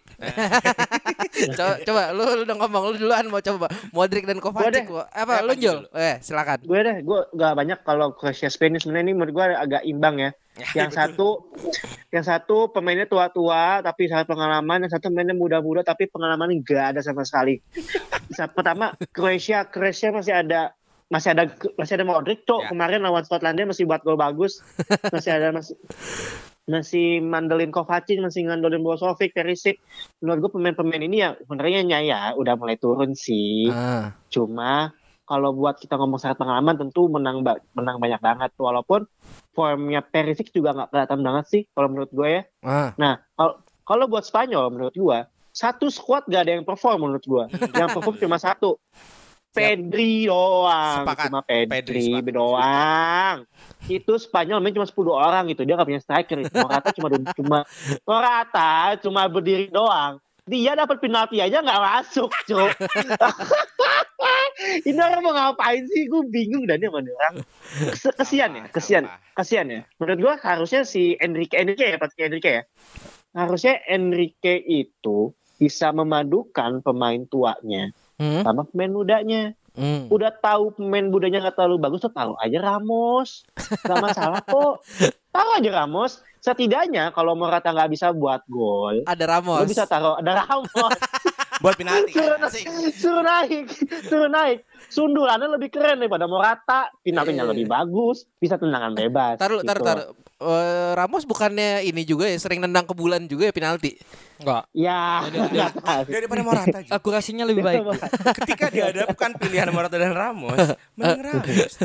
Berarti kayak PS1 Ramos jadi striker kayak Roberto Carlos tuh. Iyalah. Iya. Jadi menurut gue emang Spanyol ini, aduh nggak deh, nggak banget. Cuma Pedri doang yang bagus. Hmm. Laporte di belakang juga menurut gue tidak terlalu Membantu lah ya.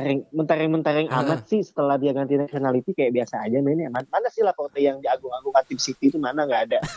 Kalau buat Kroasia menurut gue masih gua gua udah singkat ya mungkin menurut gua Kroasia masih punya faktor X yang lebih di Modric dan di Perisic. Hah? Dan menurut gua Kovacic akan bisa megang tengahnya Betul. si pertandingan ini ya karena menurut gue Pedri juga kok kalau diadu Pedri diadu sama Brozovic sama um, Kovacic masih kalah dia. Jadi kalau menurut gue masih menang Kroasia tipis sih, Oh, nggak Oke. nggak gede. Lo gimana, Mit? Gue gue melihat eh, Kroasia maupun Spanyol ini kan sangat sulit banget buat lolos ya dia berdua. Iya. Iya kan? Hmm. Ini ini tim yang memang menurut gua em, dengan tim besar tapi dengan mental yang sangat rendah sih ya. Eh, bola bola akan sangat sangat sangat bagus. Akan sangat sangat bagus. Maksudnya ya karena dua tim ini bagus. Mau gimana ya Ya, ya. Jadinya Masih gak enak aja dilihat ya. Bagusnya kan sini sih. Iya iya iya iya iya. Bagus kan striker striker elu. Oh iya. yang di gua 20 gol lebih. Iya. Di lu berapa? Di Spanyol nggak ada tapi. Nggak usah bahas Chelsea. Oh, gini. Morata ini memang cukup dua gol doang ya di Euro dan bagi gua ini sangat sangat uh, underperform. Bahkan bukan cuma Morata, semua skuad uh, Spanyol kelihatan banget efek dari Carvajal dan Ramos nggak dipanggil ini sangat sangat luar biasa efeknya. Bahkan nggak ada pemain Real Madrid sama sekali, Cok. Iya iya iya. Luis Enrique sangat sangat sangat bertergantungan dengan Barca. Barca sentris Nah, ya. sampai akhirnya Iniesta bilang kalau lu 2012, 2010 mainin li, um, Lain apa Barca? main, eh, bener. Barca. karena memang semuanya pelatih Spanyol berperan penting dan sangat terfokus dengan Barcelona. Iya. Sekarang lu nggak bisa. Ah, Bahkan karena apa? eh, Resource-nya nggak ada. nah, pemain muda pun mudanya ya cuman Pedri. Oke lah Pedri let's say bagus banget. Tapi ada Gerard Moreno juga yang lagi bagus-bagusnya dengan 30 gol lebih. Ya mutlak nggak bisa ngebantu karena karena di panggung sebesar ini mental yang sangat berperan penting kan dan bagi gua mental Spanyol ini yang nggak ada. Nggak ada karena nggak ada abang-abangan lah ibaratnya di Nah, itu situ. sih bagi gua. Dan kalau Kroasia ini ya udah kita kayak ngelihat Kroasia 2018 18 kemarin aja masih ada Vida, eh, Veida, ada Lovren, bahkan Veida dari tadinya LB RB jadi CB. Ah. Terus sampai akhirnya Modric, Ko- Ah. Kovacic eh, mungkin mutlak Kamarik doang aja lah ya pemain yang setidaknya di sisi depan dan Perisic yang masih punya eh, jam terbang bagus. Tapi selebihnya ya udah. Dan ini pertandingan yang menurut gue bosanin sih pasti. Satu yang dia berhasil dari Spanyol buat gue sudah menemukan kiper muda terbaiknya ya. Setelah kiper yang digadang-gadang muda terbaik gagal ya. Kepa Kepa. Sekarang kan diganti Unai Simon. Tiga match Spanyol bermain di grup semuanya Unai Simon. Ah, Tidak terlalu buruk tapi juga tidak terlalu, Terlalu bisa baik. dipuji. Karena pun baru kebobolan seingat gue satu. Satu gol kan ketika lawan Kroasia kalau nggak salah. klubnya di mana, Mo? Bilbao, Bilbao, Kepa. Ini pengganti Kepa nih. Oke, oke, oke, Blessing oke. in disguise dia jadi Ah, bagus bahkan ah. dipanggil ke timnas Spanyol. Ah. Tapi juga eh, tadi sedikit sebenarnya melihat kritik mengkritik sebenarnya statement Panji mengenai Laporte. Ah. Buat gua Laporte nggak terlalu jelek sih. Ah. Cuman tandemnya Biasa-biasa aja, aja. yang tandemnya aja yang tolol bener kan. Dan juga kritik terbesar untuk lini depannya Spanyol. Dua match Ah, di dua match awal eh, berarti kan melawan Kroasia eh gue lupa sorry eh, dua match awal lah gue Hmm. lupa tadi itu banyak banget shoot off target ya. di match pertama 8 gol, match kedua 7 gol. What happened ayah naon Spanyol? Apakah anda kesurupan Timo Werner sampai nyetak golnya ke mana-mana?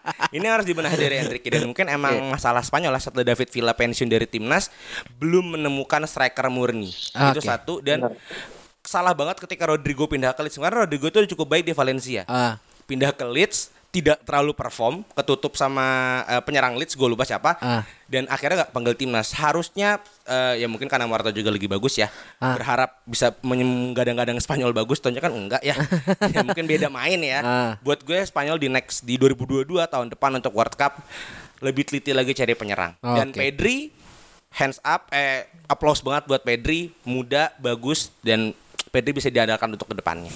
The next Safi mungkin. Uh, Uset, Wah, tinggi banget ya, statementnya. biar gagal Ji. Biasanya kan main bener digituin gagal. Ada gaya mainnya beda. Next Safi aja gitu. Oke, kita beralih ke bagian sebelah kanan. Bagian sebelah kanan mungkin kita akan eh, bahas langsung yang eh, final eh, quote and quote final kebagian Inggris Jerman. Di mana kedua tim ini so-so lah di group stage. Yang satu dua kali seri, satu kali menang. Yang satu menang dua kali tapi cuma satu kosong satu kosong doang sama sekali seri. Dan satu pemain yang golin Sterling doang. Iya, salah satu Sterling doang. Ini Jul, lu sebagai eh, apa fans Inggris sejati yang dilahirkan di Indonesia, bagaimana Jul ini Jul melihat fenomena kegoblokan Inggris dengan striker yang tajam-tajam itu Jul? Scholes born in Jakarta, Panji. ya, Inggris satu semifinal juga hoki tuh nanti kalau misalnya semifinal Ah, ini Si sampah banget bos. Ah, Gareth Southgate, ah, tai lah, tai lah. Pa- padahal Gini ya, digadang-gadang Southgate kan itu salah satu yang oh ini bisa bikin oh football coming home. ah tai, football coming home, tai lah. Yang coming home pialanya iya ke Wembley di final emang di Wembley kan, cuma bukan Inggris yang main di final. Enggak, eh, eh, kan gelandang lu ada Gattuso, Pirlo sama Kakak. Ita, i- Kevin Phillips. oh iya gabungan tiga itu betul.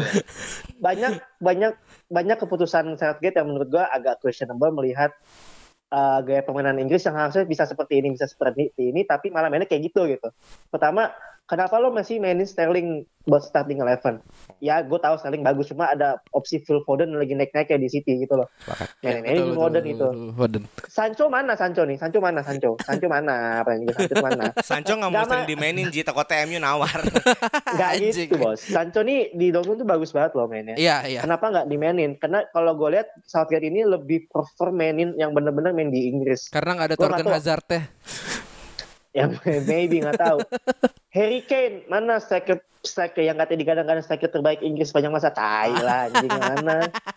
Shot on goal cuma dua, tai tiga pertandingan apa apaan kayak gini mau dibeli mahal sama United mimpi aja. Ini Ya. apa ya turun semua. Jack Grealish juga nggak dimainin. Banyak animo fans Inggris yang bilang mainin Jack Grealish, mainin Jack Grealish. Dan akhirnya dia bisa baru bisa mainin Jack Grealish di pertandingan terakhir waktu Mason Mount harus isolasi mandiri Betul. Iya, betul.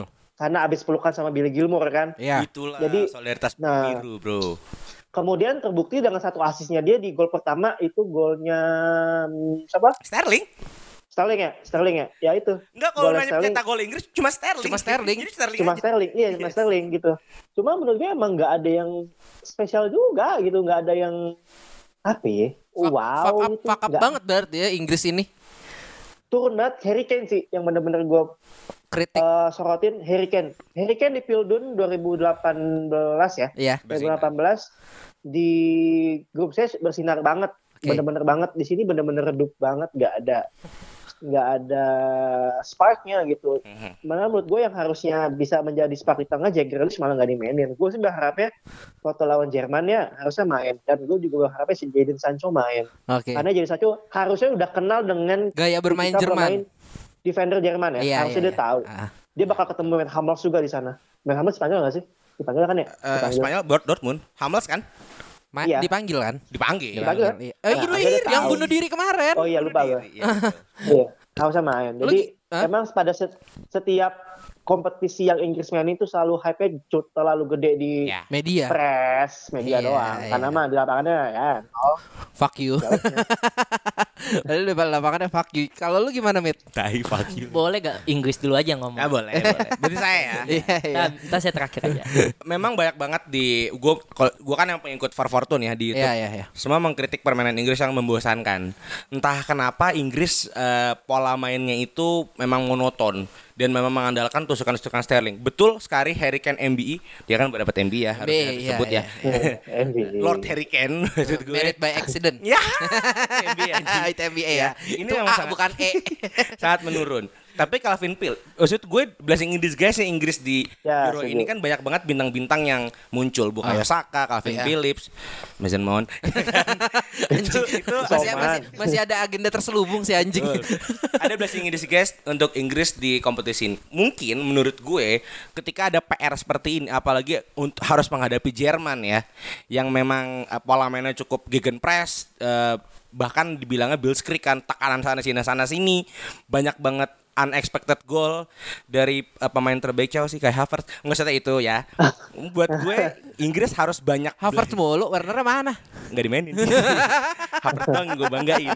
Buat gue Inggris harus punya Eh, gue juga mendukung Inggris soalnya di Ah. di ini kan karena Pantai Gading kan nggak main jadi gue main Inggris gitu loh. Drogba sentris si Ya. anjing. Bahkan ada statement gue lupa uh, Rio Ferdinand atau Gary Neville Inggris ini kayak Tottenham Hotspur kalau di kancah internasional dia iya serius ini Botol bahkan ya, botol, botol. Iya, fans Inggris loh apa orang Inggris yang ngomong dia punya bintang Heeh. dia punya eh, Materi pemain materi bagus. main bagus difavoritkan juara Iya. tapi nggak tahu cara dapetin trofi itu. Inggris tahun ke tahun Ya, ya, kan? itu permasalahan Inggris semenjak setelah 66 berarti ya. Bahkan ketika mengkritik Pickford, kan Ah. gue selalu takut Pickford. Ah. Pickford nggak mainnya nggak terlalu jelek, dia cuma kebobolan satu gol. Heeh. Iya kan? Eh enggak, bah, sorry, bahkan clean sheet kan. Clean sheet, clean sheet. Satu kosong, satu kosong, nol nol. Iya. Pickford juga cukup bagus buat gue ya. Nanti lawan Jerman, Habis. Iya bisa jadi, bisa jadi. Tapi buat gue Inggris, gue masih bisa percaya Inggris sampai final sih. Oke. Dan masih bisa football coming home. Eh. Coming home tapi ke Roma, ke Italia Lo tau gak sih? Lo tau gak sih Inggris itu butuh apa sebenarnya? Itu apa? Sayang banget sih. Ini bukannya gue bias ya, dan dia butuh tren anjir. Iya memang. At least kalau misalnya lo nggak bisa bawa bola dari tengah ke depan, lo butuh pemain sayap yang bisa umpan bagus. Iyalah, Itu Aaron dari Bisaka berarti. Betul. Iya. Dan ada Rhys James. Tren udah lah, udah lewat masanya Ji. Hey, lewat. Mungkin butuh Milner. James Miller. Tuk tuku juga anjing. Kalau lu gimana, Mit? Nah, nggak apa-apa ya gue gue cukup bikin ketawa aja gitu ngelihat eh, yang suka Inggris ya iya. tapi bingung sendiri dengan permainan Inggris nonton Inggris dari tahun berapa sih 2004. 2018. Yes. 2006 lah nonton lah. gini Inggris itu memang spesialis di setiap kualifikasi Ya. Ya. ah. sangat Eh, tapi ketika udah di ajang eh, turnamennya Eh. lu jangan berharap lebih karena datangnya Beckham, Gerrard, School, eh, Lampard masih bermain pun nggak ada apa-apa kan 2000 awal berarti ya. Iya, waktu gue juara. 2006, 2006. 2006 ya. ya maksud gue gini, Inggris ini memang salah satu eh, apa ya? Apa? Lu lu lu mau nyombong lewat media, Nah, tapi ya. secara lapangan lu nggak ada eh, nothing nothing. Nothing, ya, ya oke. kan? Ini nggak bisa disalahin tentang skuadnya. Liganya bagus. Ini bukan tentang liganya, Ini bukan tentang FA-nya. Ya. Pelatihnya berarti. Ah, itu dia, Pintu selatan. itu dia, itu pelatihnya. Karena Itu bagi gue gini, karena Inggris itu paham, eh, dia selalu bermain dengan kick and rush. Ah. Ya, ya. sekarang dimodernin aja nih Iya. De- dengan sedikit eh, lebih apa ya lebih improve lah dalam permainan Iya. Kick and wing bola, ya. bola. Kick and wing. Winger, bener, kalau bener, winger. Kick and wing. Iya, iya, kick and wing. tapi mutlaknya selalu punya tro- umpan-umpan terobosan yang yang untuk datang uh, paceklik di mana uh, defensif membuat defensif musuh melawa, apa melakukan kesalahan dan bisa Ah, dimanfaat bisa manfaatin. Tapi bagi gue pemain-pemain uh, tim-tim yang sekelas uh, bahkan sekelas Swedia lah ya, Ya. ataupun apa pun itulah yang tim biasa aja udah paham gimana cara buat naklukin Inggris. Bagi gue mungkin Inggris mesti masukin Pep ketika Inggris mau dapat trofi. Oh. iya, oke, karena oke. bagi gue skuadnya Inggris itu udah bagus, udah kembung, Ah. udah kembung. Cuman siapa nih ya, yang raciknya. yang raciknya? Karena kalau lu terus bermain seperti itu, ya mutlak semua pemain tahu. Correct me if I'm wrong, Mit. Inggris pernah dilatih Capello nggak sih? Pernah? Dan pernah dilatih Pernah. Sven Goran Eriksson. Iya, betul. Ini dua pelatih dua pelatih luar negeri yang Iya. diimpor untuk Inggris dan Inggris cukup main cukup bagus sebenarnya. Merubah permainan Inggris Iya. berarti. Karena ketika sekarang ditanya siapa sih pelatih Inggris terbaik? Ya, Nggak ada. Menurut gua Southgate paling paling mending ya, paling mending. Nggak. Ray Hodgson pensiun, Sam Allardyce nyogok, ya kan? Big Sam nyogok. Karena emang Inggris lagi pacaklik eh, ini Pelatih. juga pelatih juga. Bahkan yang digadang-gadang waktu itu maksudnya akan jadi regenerasi pelatih terbaik Frank Lampard pun gagal ya kan. buat gue ini PR buat FA untuk lebih percaya sebenarnya sama pelatih Inggris. Bahkan ya, nih bahkan nih omongan gue nih serius. Ah. Lampard sama Southgate kalau cara mainnya untuk diracikin Lampard ke Inggris eh, di timnas Inggris, Timnas Inggris. dia lebih berjalan. Lampard berjalan. Dia lebih berjalan. Karena kenapa? Football udah bergerak eh, sangat maju, Cok. Ya, ya. Lu udah nggak bisa cuman umpan terobosan, manfaatin box to box dan lu nyuplai bola ke depan dengan overlap bla bla bla. nggak bisa. Main pencet segitiga kalau di ini deh berarti Ketika FIFA. lu lihat Lampard, Lampard memang orang yang cukup berani Ya. dalam hal ngambil strategi. Keberanian. Nyerang, nyerang aja. Nyerang-nyerang Tapi aja, iya. lu mesti tahu, Ya, ya. lu punya speed, lu punya pemain yang fisiknya bagus banget. Ketika nye- ngejar bola yang yang cuman 20 meter mah gampang lah. Maksud Iya. gue eh, Inggris sangat-sangat disayangkan dengan tiga match ini. Oke, dia clean sheet tapi mutlak cuman dua gol. Ini bahkan dua match aja mesti tiga shoot on goal. Shoot on goal kan dua pertandingan sebelumnya ini. Iya, iya. Bagi gue ini ada sesuatu hal yang mesti di apa ya? Dibenahi. Mesti dibenahi. Karena lu akan ketemu Jerman di mana Jerman ini bermain dengan sangat-sangat Eh, rapi, cepat, rapet. rapet chemistry-nya dapet. Iya. Karena apa? Lo udah bermegang dia dari 2006.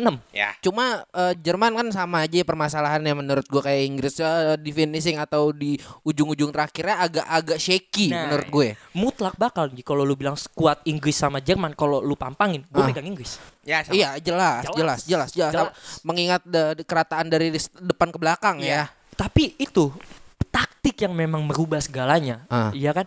Taktik yang memang ide dari pelatih ini yang bisa eh, yang bisa disuplai dengan baik oleh pemain sampai akhirnya terjadilah di eh, panggung eh, lapangan itu gimana terjadi. Nah, bagi gua Inggris sangat ketar-ketir sih ketemu lawan Jerman. Mungkin mungkin dengan datangnya Grealish, gue melihat um, Dimainkannya iya, Grealish dimainkannya ya. Grealish dengan cenderung dia dimasukin sebagai AMF, AMF, untuk ngebantu Sterling maupun kanannya siapa? Eh, Saka Saka. Saka. bisa. S- eh, Sancho gua juga, bisa. Iya kan Sancho Sancho. bisa. Banyak Ini ini ini ini mutlak akan bisa punya ritme baru karena kita tahu Grealish ini bukan pemain yang nyuplai bola Ya. langsung cepat itu. Ah. Dia lebih cenderung nyantai, punya ritme dan ini yang narik disangat- pemain ini- mu- bertahan dulu. karena Beckham lah ya. Iya, karena mutlak gue ngelihat lawan Skotlandia deh. Hmm. Itu mutlak gue lihat ah Inggris cuma nunggu gol. Nah. Inggris mutlak cuma nunggu gol. Tapi bagi gue ritme permainan yang nggak ada. Nah dengan datangnya Grealish, ritme permainan itu akan ada.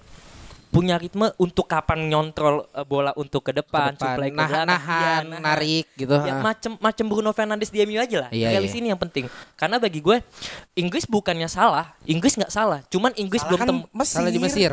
Iya. Goblok. Dapat jokesnya, mantap. Iya, mutlak Inggris nggak punya salah karena di Mesir. Iya, betul. Dia punya Grealish. Coba untuk manfaatkan. Iya, iya, Dan bagi gua gini, eh gue ngelihat ketika lawan Jerman ini, Southgate pasti bakal masukin Grealish. Yakin gue. Harus ya. Yakin. Karena gue sangat untuk Jerman nih sangat Ah. mengkritik kenapa Manuel Neuer masih dipakai jadi kipernya. Tiga- Siapa lagi bro? Ada Ben Leno Ji. Buat gue, gue masih megang Leno ya. Leno kemarin Apa agak nge-carry Arsenal. Ngapain? Strategi. Aduh, Be- Ben Leno. Stegen gak dibawa mit, cedera. Iya kalau misalnya lu Karius bilang kalau misalnya lu bilang dia masuk, dia masuk kalau masih pasti, iya. pasti Ter Stegen. Buat gue tiga match yang Jerman jalani, Neuer banyak banget blundernya. Apalagi Hungaria kemarin. Iya, Kalau Hungaria lead duluan 1-0 di- sampai Iya. half time. Kita kemarin nonton kan Ah, uh, highlightnya ah. di kedai sendawa di Jalan Alpukat 3 itu kan. Iya. Anjay. Promosi Mit. itu golnya Zalai yang baru dari kick off Hmm. lempar ke depan itu pure Neuer udah siwer matanya Mit. menurut gue. Ah. Konsentrasi belum ada. Ya, Ah. udah saatnya Bernleno atau mungkin Kevin Trapp Ah. yang dipercaya untuk memegang eh, lini belakang Jerman. Seharusnya di grup itu lebih dirotasi kipernya karena dari match pertama Neuer itu udah jelek banget ketika lawan eh, Prancis. Prancis satu bagus satu kosong. Satu kosong golnya Hummels, kan. Hummels, Hummels aha. sebagai pembuka gol di grup F. Tapi bunuh diri. ya kan. Di match kedua walaupun 4-2, Ah. ini Jerman main kayak eh, caranya Mourinho main. Ah. Ya kan nggak apa-apa kebobolan banyak. Yang Eh, penting sorry. golnya Van Gaal ya, Van Van Gaal. Gaal. Iya. Gak apa-apa bola banyak, yang penting golnya banyak. Iya. Kok tolong di 4-2 aja. Ah. Udah saatnya nanti di knock out apalagi melawan serangan Grealish, Sancho dan segala macam. Ah. Neuer jangan dipakai. Di pinggir lapangan aja. Eh jangan salah lu, malah lu gue lihat Jerman sama Inggris, gue melihat Inggris akan dikutuin nih, karena dari segi permainan Jerman tuh sangat bagus. Oke lah, lepas terlepas dari Neuer beberapa pemain itu, secara chemistry permainan ini, ini yang sangat dibutuhkan. Inggris main bagus banget Ya. ketika lawan Portugal. Mhm. Eh Inggris Eh, apa? Jerman, Jerman. Nah kalau emang Jerman bisa me- Emang lu nonton? Kan Nonton. mabok itu. gue nonton itu Eh betul mantap. highlight. Tapi itu memang bagus banget Ji. Di mana dia bermain supply eh, Gorsen Gonsennya bisa bermain dengan bagus. Nah, mungkin mungkin ya dengan adanya tren itu ngebantu Inggris. Ah. Tapi Keren, nggak ada. ya kan nggak ada. Oh, kalau ada. Ya, kalau ada. Nah, Kalau ada. tapi dengan ditutup James itu salah satu yang bagus menurut gua karena karena cenderungannya sebetulnya eh, 40% aja. Iya, karena karena kenapa? Inggris ini butuh pemain yang bener-bener overlap tinggi. Eksplosif. Karena James ini kan kita tahu dia lebih cenderung ke defense. Trippier dipanggil gak sih? Iya. Masih, tapi Masih- jadi back kiri. Tapi back kiri. Jadi back kiri. Nah, malah bagus bagi gua. Malah Bencil ini nih yang bagi gue eh, salah satu pemain yang yang cenderungannya gue bingung dia mau ke mana. Iya betul. Sebetulnya. Saya sepakat. Ya kan, ini pemain yang sebetulnya ketolongnya dia dapat tiga champion. Betul. Ya kan? karena karena bagi gue kalau misalnya di saat itu Inggris punya Ashley Cole sekarang ya, Iya. gue bisa bilang ini udah bagus. Asli kok legenda mana? Mit? Roma ya. Arsenal, Chelsea, Sama Roma, iya, ya kan? Gak diajak foto dong. Ya bagi gue supply dari LB-nya itu yang kurang. Oke, oke, oke. Nah, eh, kita lanjut ke Belanda Ceko. Belanda, Belanda, Belanda, Belanda. Eh, skuad yang diisi anak-anak muda yang saking mudanya gue nggak tahu anjing pemain sampai siapa kecuali Dumfries doang tuh di kanannya Ya, jago banget anjing. Menurut kalian gimana nih untuk Belanda lawan Ceko? Loh, gue sangat melihat Bel- Belanda punya pola yang sama kayak Itali di dua major turnamen juga gagal Ah, untuk fuck up lah. kualifikasi sangat fuck up tapi justru itu adalah waktu untuk mereka regenerasi Ah. ya kan sekarang lini depan Belanda bahkan ada satu pemain yang buat gue sangat kenapa dipanggil nih orang Ju- eh, Worswegors susah banget Wars berarti ke kanan. Ya, Ya. lini depan kan. Ah. Buat gue Worswegors banyak banget ngebuang chances. Ah. Chances ya kan ada panjangnya. Chances. Untuk di lini depan. Satu lagi juga Depay main kepayahan. Bingung, ya kan? Nggak mau ke Barca. Iya makanya itu goblok. Kenapa nggak ke liga mana lah itu? Tapi apresiasi untuk Daniel Malen. Ah. Ini pertama kali dia di singkat gue ya, pertama kali dia main di menjadi turnamen. dia betul. bocah dari PSV. Gue sangat suka ngelihat gimana dia duet sama Dumfries. Golnya berapa mau musim ini? Nggak tahu. 27 gol. Bagus lah ya. Asisnya berapa mau? 48 10. Oh iya kan. Ah ini mau menjebak saya nih. Siapa? Tapi- Melon apa Nggak, tapi si bagus, bagus. Melon apa Melon, Dumfries? Melon, Oh, Melon. Nah, ketika kemarin eh, Aju juga senang sama Dumfries kan. Bahkan kita sampai bisa ngobrolin 30 menit Iya. buat Dumfries sama Melon ini. Ah. Buat gue eh, ya karena gue juga fans Inggris ya. Ah. Dumfries ini main kayak TAA. Dia fokus main ke depan. Iya, Ya, benar benar benar. betul. Dan Overlapnya bagus banget anjir. Bagus bisa bisa mencetak gol dan bahkan memberikan Ah, assist. assist. Dan juga apresiasi buat kapten Belanda ya. Eh Giorgino Wijnaldum pemain Paris Saint Germain bukan main Liverpool saudara-saudara ya. Tai. Ya, Wijnaldum itu uh, motor motornya Jerman saat ini eh motornya Jerman sorry motor Belanda saat ini. Eh, dia ada gila banget dari supply bola dari overlap gimana dia ngatur bolanya. It's a fucking amazing man. Buat gue rasa Kante main kayak dia di Euro ini tuh mainnya kayak Wijnaldum bisa defense Hah? dan bisa maju ke depan. Dan satu lagi too much to ask anjing Eh, buat Kante. Sa- gila Kante, lu. Kante lu mau taruh depan gimana sih ada ada Pogba anjing Iya nih. betul mainnya kayak gitu lah Kante disikut hilang anjir tapi satu lagi gue sebenarnya nggak mau nyebut main ini Ji kenapa Siapa tuh? main Juve di match pertama Belanda kepayahan lawan Ukraina Iya. karena Delih masih absen Si terang ya, si terang. Iya betul like kan. Begitu Delih main di match kedua match ketiga, lini belakang Belanda sangat aman menurut gue. Iya. Iya kan? Ini terlepas absennya Van Dijk dan kipernya Stekelenburg. Stekelenburg ya betul Iya kan? Belanda Ah. ini banyak banget sebenarnya eh, tidak beruntungnya. Eh, banyak banyak juga lini yang kurang Iya. kurang tertata harusnya bisa eh. Sekarang kiper terbaik cuma Cilesen ya maupun main di Valencia ya dan gagal Ah. di Barca dan harus melakukan Stekelenburg. Itu satu. Kedua, back terbaiknya ya yang mukanya kayak eh, orang Maluku ya, emang orang Maluku ternyata kan. J- eh, Jer apa sih namanya? apa Van Dijk, Van Dijk. kan juga absen. Virgil Virgil Virgil, Jorginho lagi. Virgil van Dijk juga absen. anjing Giorgino dia minum cappuccino ya ini lu.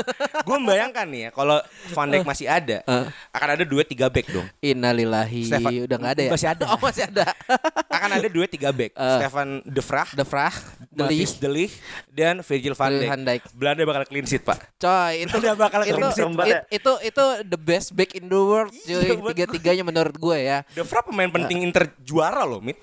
Scudetto Inter. Tugas banget lu. Scudetto Inter. Itu Tugas karena banget lu. De Vrij bisa bermain cukup bagus. Ma- masih lu bet ya Gak boleh ngomongin klub. Gak boleh, gak boleh. Ini gue bayangkan sangat keren banget Belanda. coba MU backnya begitu anjing juara tuh beli itu ya kan.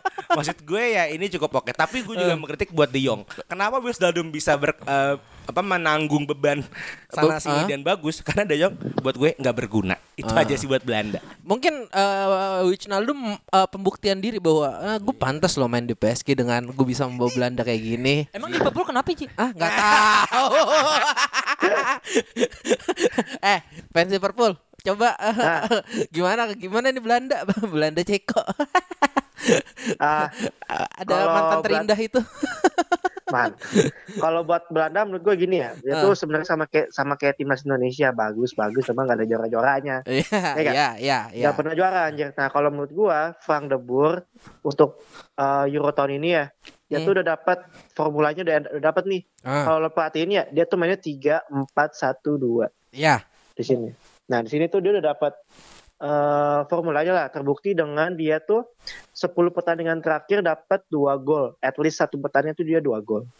Nah, ma- eh gue nggak pernah ngelihat kalau Belanda itu punya striker bagus sepeninggalnya kelas Jan Huntelaar ya sih. Kelas Nah, Januntar selama itu- 2010 2012 berarti. Ah, udah nggak pernah lagi. Pakai Van Persie paling Van Persie Van juga Persie. bisa pegang. Iya. Van Persie cuma setelah itu Oh iya, paling 2014. dia tuh yang bukan gol kalau bukan IMF pemain winger, Winger. pemain IMF ya nggak? Iya, Kalau nggak ada kalau nggak ada Pai, Promes, iya, Wijnaldum sekarang. Sebenarnya Ya. Wijnaldum ini kan pemain yang bisa dibilang versatility-nya tinggi ya. iya. Dia bisa main dia bisa main jadi box to box, dia bisa menjadi IMF, Heeh. bisa jadi DMF, bisa jadi striker, bisa jadi back. Iya. Ini sebenarnya betul. Ini sebenarnya rugi sih Liverpool nih, cuma gimana dia udah tuh Kepalang nggak mau kepalang ngasih- mau pindah ya. Liverpool nggak mau ngasih gaji gede ke pemain ya, over 30 soalnya. Iya, iya. Nah, jadi kalau menurut gua kalau lawan Ceko sekarang Ceko yang well known siapa sih pemain yang bisa pulling the string dari tengah? Paling eh, Rosicky. Dan Buset. Rafael Nedved. Buset. Cuma Udah gue tahu Ceko anjing. Tahun berapa Gua- itu anjir? Gua jujur buta Ceko sih asli. udah Gua entar buta ceko gua banget. aja ngomong. Ya ya oke. Nah, ada semit aja. Jadi kalau menurut gue masih Belanda. Cuma golo Belanda memang tengah eh, buat buat gue tengah megang lah. Depan questionable. Belakangnya juga lu lumayan. Menurut gue ini udah komposisi yang lumayan banget buat maju sampai kalau kita lihat kan ini kan sebenarnya bagannya gak bagan yang gampangnya Gampang, gampang. ah, ah. sebelah kanan tuh lebih ya. gampang. Dia sebelah kiri. lolos lawannya kalau nggak Wales Denmark. Menurut Denmark. gue sampai semifinal dia dapat ini. Oh, Oke. Paling PR lawan Jerman aja nih. Jerman. Anjing kayak Jerman lolos. Kayak Inggris, Jerman menang Inggris eh. ya. Inggris Hah? yang lolos Panji. Belanda masih kan ketemu sih. Inggris nanti. Ah, siap. Eh, Jerman aja biar gua- nafasnya Golden Ball. Si anjing. Menurut gue Van de Boer mengingat dia timeline-nya agak sempit ya sepeninggal Koeman setahun setahun lah. Iya. Dia nih PR-nya udah bener-bener udah bagus sih dia udah dapat komposisinya. Tungguin aja Virgil masuk nih. Makin serem nih Belanda nih. Sama Berarti tahun depan dong ya bagus. minimal Iya, di Piala Dunia depan. ya berarti. Ah, ah, ah. Mat, gimana Mat? Nih Belanda Ceko Mat. Dari Cekonya dulu Mat. Cekonya dulu ya. Cek Ceko ketemu Belanda nih malah sebetulnya angin segar buat dia. Hah? Buat mah? Buat, Cekonya? Ceko. Mm-mm. Kenapa? Karena Belanda lagi nggak bagus juga sih bagi gua. Hah? Waduh. Gimana Ini itu? dendam-dendam penjajahan. Enggak sih, karena eh, Company. gini, gue melihat Bela, gue ngelihat Belanda dulu masuk ke Ceko ya. Iya. Gue melihat Belanda ini memang buntu, sangat-sangat buntu karena mutlak di depan hanya mengandalkan eh, Memphis Depay. Bahkan kita tahu juga Memphis Depay aja terlalu banyak eh, shot on goal yang nggak dimanfaatkan dengan baik. Iya. Ah, terlepas dari itu juga skuadnya kan cenderung dari depan ke lini gelandang ini mutlak Agak kosong bagus, sih. agak Ah. kosong ya kan Ah. mutlak belakang doang nih lu Belakang- bagus belakang, ya, bahkan kipernya udah nggak usah dianggap deh Iya. ya kan nah, berarti kalau kayak gini lu butuh eh, pelatih yang memang bisa memanfaatkan eh, setiap lini dan bagi gue debut debut nih dari awal gue udah bilang ini bukan pelatih yang cocok untuk Belanda bagi gue karena eh, ritme pemainannya ini cenderung monoton Eh, Oke. oh, let's say dia ketemu tim-tim kecil lah di grup ya kan Hmm. dan bagi gue salah satu hambatan dia adalah Ceko di Iya. mana Ceko sangat sangat sangat krusial nih bagi gue di sini Ah. depannya ada Sik di di, di gelandangnya ada Jelinski ada Socek. Jatsko Socek. ada Jato ya kan ada Socek nah nah yeah Jelinskinya Napoli tahu dong Zelinski bukan Piotr Polandia. Zielinski bukannya Polandia ya? ah maaf ya Tumben, tumben, Jans- tumben. maaf Tumben. Jansto Jansto apa-apa, Mit. Kesalahan aku mau cengin kok. Lanjut. ada ada Janstonya Sampdoria. Ya, Janto, Eh, Janto. Nah, ini Janto ini yang berperan penting seperti eh, free roomnya lah di Ceko. Mutlak dia pemain yang memang kreatif, tapi dia punya sokongan tinggi badannya kayak Fellaini, Cok. Iya kan? Oh, oke Nah, oke oke oke. Dan kita tahu Ceko ini bukan bukan tim yang selalu eh, ngasih pemain-pemain terbaik redup di Rosiki ya kan? Karena di 2008 lah dia bagus Milan Baros Rosiki Nedved bla bla bla bla. Nah di tahun ini Peter dia ya di tahun ini dia udah mulai redup dengan pemain-pemainnya. Otomatis cuman ada pemain yang menurut gua bagus adalah Sik Jansto dan Barang Socek sama Socek. Iya kan Socek ya nah Sucek, Iya Sucek. Sucek. Nah itu doang pemain. Tapi etos dia etos dalam bekerja sebagai tim itu yang sangat-sangat eh, sangat-sangat baik karena kita tahu Belanda ini pemain yang apa ya skuad yang nggak terlalu bagus dalam hal fisik. Ketemu Ceko yang pema- eh, tim tim yang memang bener-bener greget banget dalam hal fisik. Ah. Bagi gua sandungan terbesarnya Belanda adalah ketemu Ceko. Di mana dia eh, di mana Belanda lagi main biasa-biasa aja Ceko dengan ya Ceko biasa-biasa aja tapi dengan apa ya daya juang yang lebih tinggi dari Belanda. Ini yang sangat membebankan untuk Belanda bagi gue. Dan dan bagi gue eh, Belanda mungkin akan menang bisa tapi untuk eh, untuk selanjutnya Dramatis. wah dramatis lu mesti ketemu ada Polas maupun Denmark sampai akhirnya Inggris kalau nggak Jerman kan Iya iya iya. sulit sih Nah, Hmm. oke next eh, next kita bahas eh, tim yang kayaknya nggak nggak digadang-gadang cuma bisa nyampe sini nih. Eh, Swedia sama Ukraina. Dan Swedia juara grup Ji. Iya dan Swedia juara grup betul betul betul. Aneh ini. Ukra- Ukraina juga nggak ada yang expect sampai sini. Lu gimana mau? Ukraina bisa lolos karena Seva. Enggak Pak, ini sumpah ya, ini ini fun fact. Seva ini Seva kita ngomong bukan yang di Chelsea ya? Iya betul di Milan. Ini fun fact ya. Oh, yang hancur banget Gua baru tahu Shevchenko itu pelatih Ukraina di episode kemarin. Sebentar, sebentar. Pelatih Ukraina Shevchenko. Iya. anjing Anjir, ada lagi yang baru tahu lagi. gue baru tahu karena kemarin di episode kemarin kita kan bahas Ukraina, karena lawan Belanda kan. uh, Saya iya. nonton highlight, wah kok ada Seva anjing. Seva pelatih Ukraina, sumpah itu satu ya. Tapi yang yang gue sangat appreciate, eh, yang sangat tidak sangka, Swedia bisa juara grup. Swedia, oke. Bahkan kita ingat Tanpa banget, Ibrahimovic. iya tanpa Ibra, ya kan. Ingat banget ketika kita ngebahas nge-breakdown semua peserta Euro, Ah. Swedia ini kita tempatkan sebagai posisi ketiga, kecuali Smith, dia bilang posisi kedua Ah. semua sepakatnya posisi ketiga Swedia karena nggak elit nggak ada Ibrahimovic mengandalkan Forsberg, Ah, Forsberg. sangat elit lah pokoknya Iya. timnya tapi unexpected bisa ke juara grup Juara grup betul. ya karena Spanyol tolol itu satu, ya.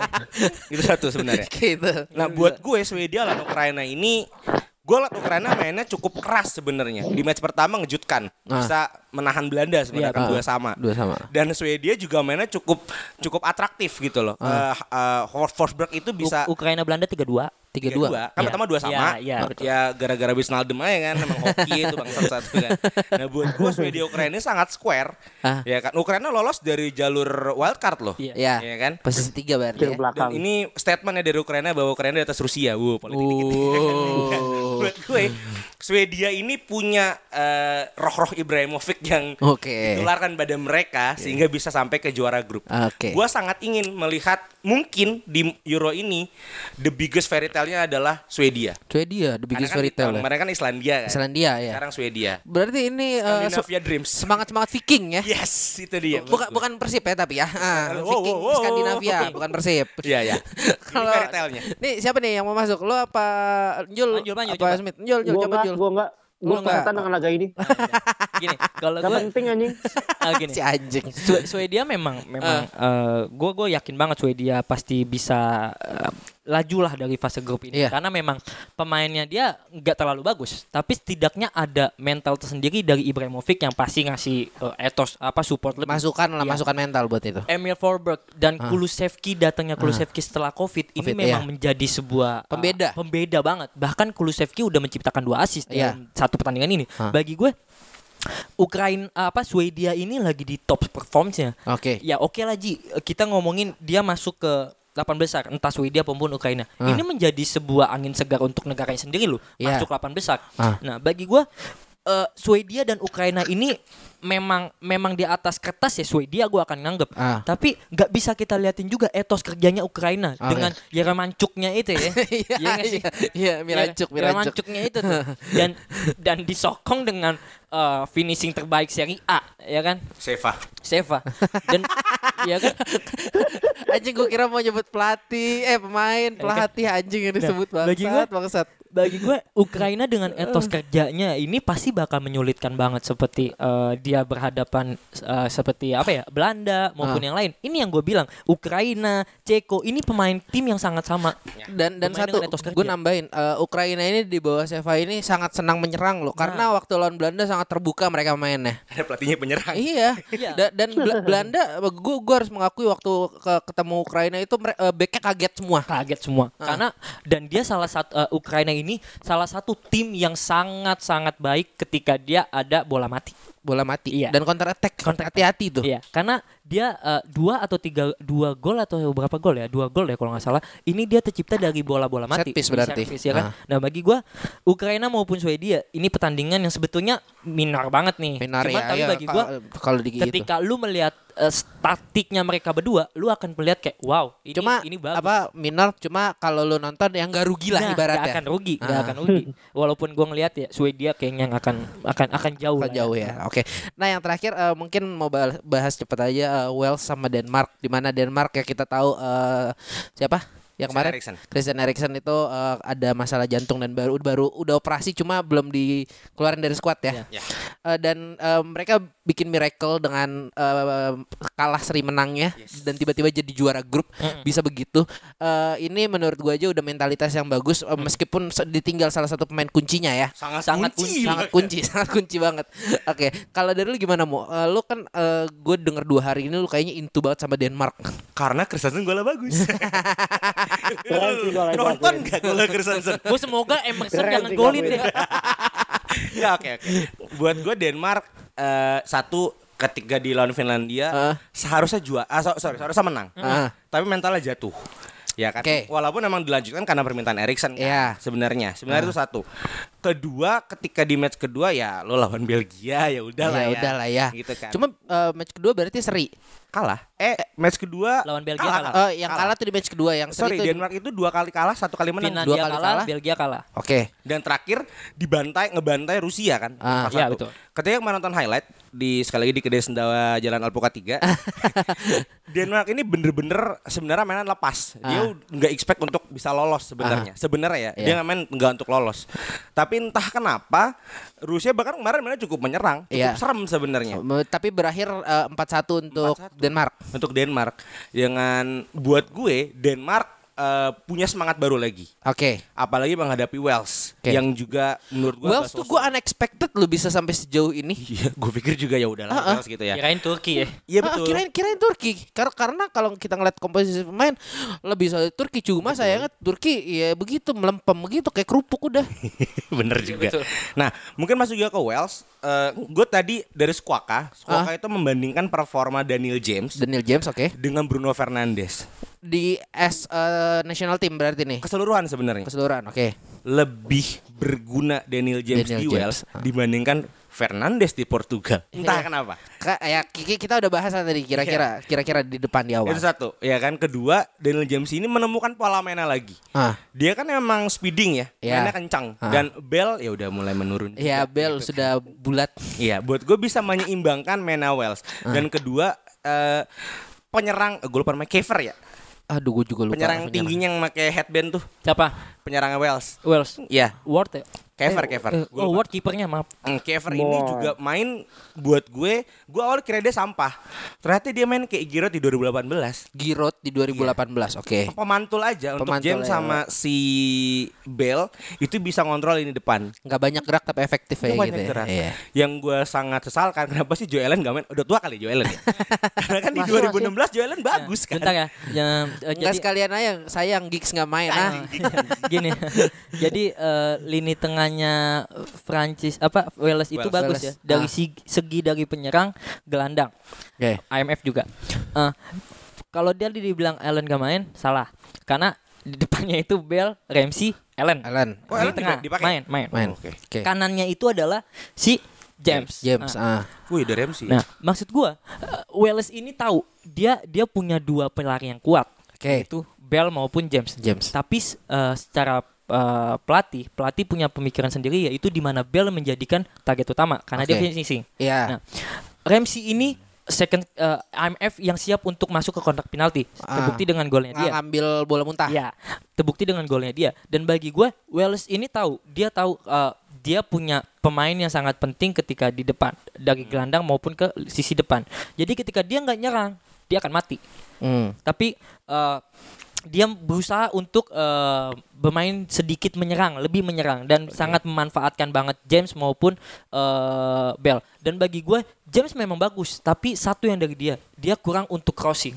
Oke. Dia kurang banget untuk crossing dan menyampaikan bola sampai ke Bell ataupun Renzi. Hmm. Itu sih. Mungkin James siap untuk eh, lebih baik dalam hal crossing akan sangat-sangat berbahaya banget Wales. Kalau untuk Denmark ya gue balik lagi Denmark punya momentumnya tersendiri Ya. dengan dua kali ka- kalah. Kalah. Oke, kalah lawan Finlandia itu gue nggak anggap karena memang drop banget. Drop banget ya. Kedua, Itu kena- kena mental itu. Ya, me- mutlak Belgia terlalu gila. Ya. Ketiga ini memang punya angin segar sendiri untuk timnya maupun Eriksen dan bagi gue eh, Denmark ketemu Wales Wales ini salah satu eh, pertandingan yang 50-50 lah Ya, ya. karena Ah. entah di mana lu nggak akan bisa tahu siapa yang menang Ah. bahkan dua-duanya pun butuh butuh apa ya butuh angin segar lebih untuk bisa menciptakan eh, gol maupun momentum-momentum sampai akhirnya dia bisa menang selepas dia menang pun dia mesti berhadapan Ceko maupun Belanda dan bagi gue ya mungkin 8 besar salah satu dari klub ini udah bagus aja Oke. Kalau lu, Jul, ada yang mau ditambahin buat eh, match ini? Oke, kalau menurut gue sebenarnya pertandingan ini eh, rata ya, Ah. imbang sebenarnya. Eh, Wales tiga tengahnya yang akan menurut gue yang akan megang banget itu ada Bale, terus Ramsey sama Joe Allen. Gue pengen nih Daniel James main di sayap, main lari aja udah. Neko Tinggal Williams fit. ke mana Ji? Neko Williams Ji. Nico Williams, dia kan bek kanan. Alah, Liverpool. dia mau cabut ya, mau cabut. Terus di di Denmark eh, tiga Damsgaard, Delaney sama itu siapa sih satu lagi gue lupa namanya. Eh Brad Brad White tuh tengah apa depan sih? Damsgaard, DM HMF. Uh, Si di Brad, Brad White, Brad White siapa lah? Oh, Nah, benar. tiga. Penyerang. Penyerang. Oh nggak ada Erikson ya, lupa. Satu lagi Erikson berarti Erikson nggak ada. Nah menurut gue, gue lupa. Nah menurut gue eh, pertandingan ini akan lebih sering main di tengah. Oh, kan bentrok di tengah, tengah. sering banyak ya deadlocknya di situ ya. Nah, uh, uh, Pierre Emil Højbjerg ini menurut gue yang akan menjadi faktor X buat si Denmark karena dia udah tiga, udah tiga assist buat uh, eh sorry sorry dua dua dua assist buat Denmark di Euro 2020. Oh. Dan emang sebenarnya kalau di, di sel- selain Eriksen ya, sebenarnya pemain high profile itu di Højbjerg sebenarnya. Hmm. Untuk back line-nya kan duetnya adalah Christiansen sama Vestergaard ya, Vestergaardnya Siapa siapa? Siapa Ji? Christiansen. Oke, good. Christiansen sama Vestergaardnya uh, Southampton ya. Ah, ya, ya. Nah, menurut gua Vestergaard ini bisa gak jelek-jelek amat lah. Christiansen juga gak jelek-jelek amat menurut gue. Oke. Sebenarnya dua tim ini sebenarnya Ya, paling bagus, lah. paling sosok sih, paling paling jauh ke perempat final aja. Cuma kita gak ada yang tahu ya karena uh, Euro terakhir aja Wales sampai semifinal gitu Iya, iya. menurut gua. Tapi, Tapi itu kan gua kalau- masih jago waktu itu. Mm, iya. Eh, sekarang kerjanya main golf mulu. Iya. Nah, buat gua pertandingan ini akan seri satu-satu. Ah, Kemudian yang menang adu penalti itu Wales. Oke. Karena di Wales nggak ada Morata kan? Karena enggak, karena karena gue Iya. eh gue nge highlight dikit loh. Nggak ada Morata soalnya. kipernya Wales tuh Ward bagus tuh. Iya. Sumpah bagus mainnya. Kan eh, Cukup dan bagus. Iya cukup bagus. Eh, beberapa save lah dia bisa eh, bisa dia patahin kan. ah. Tapi balik lagi lah ya ketemu Denmark nih, Cok. Ada si orang Islami. Abang gue. Yusuf Yusuf Paulsen. Yusuf Paulsen.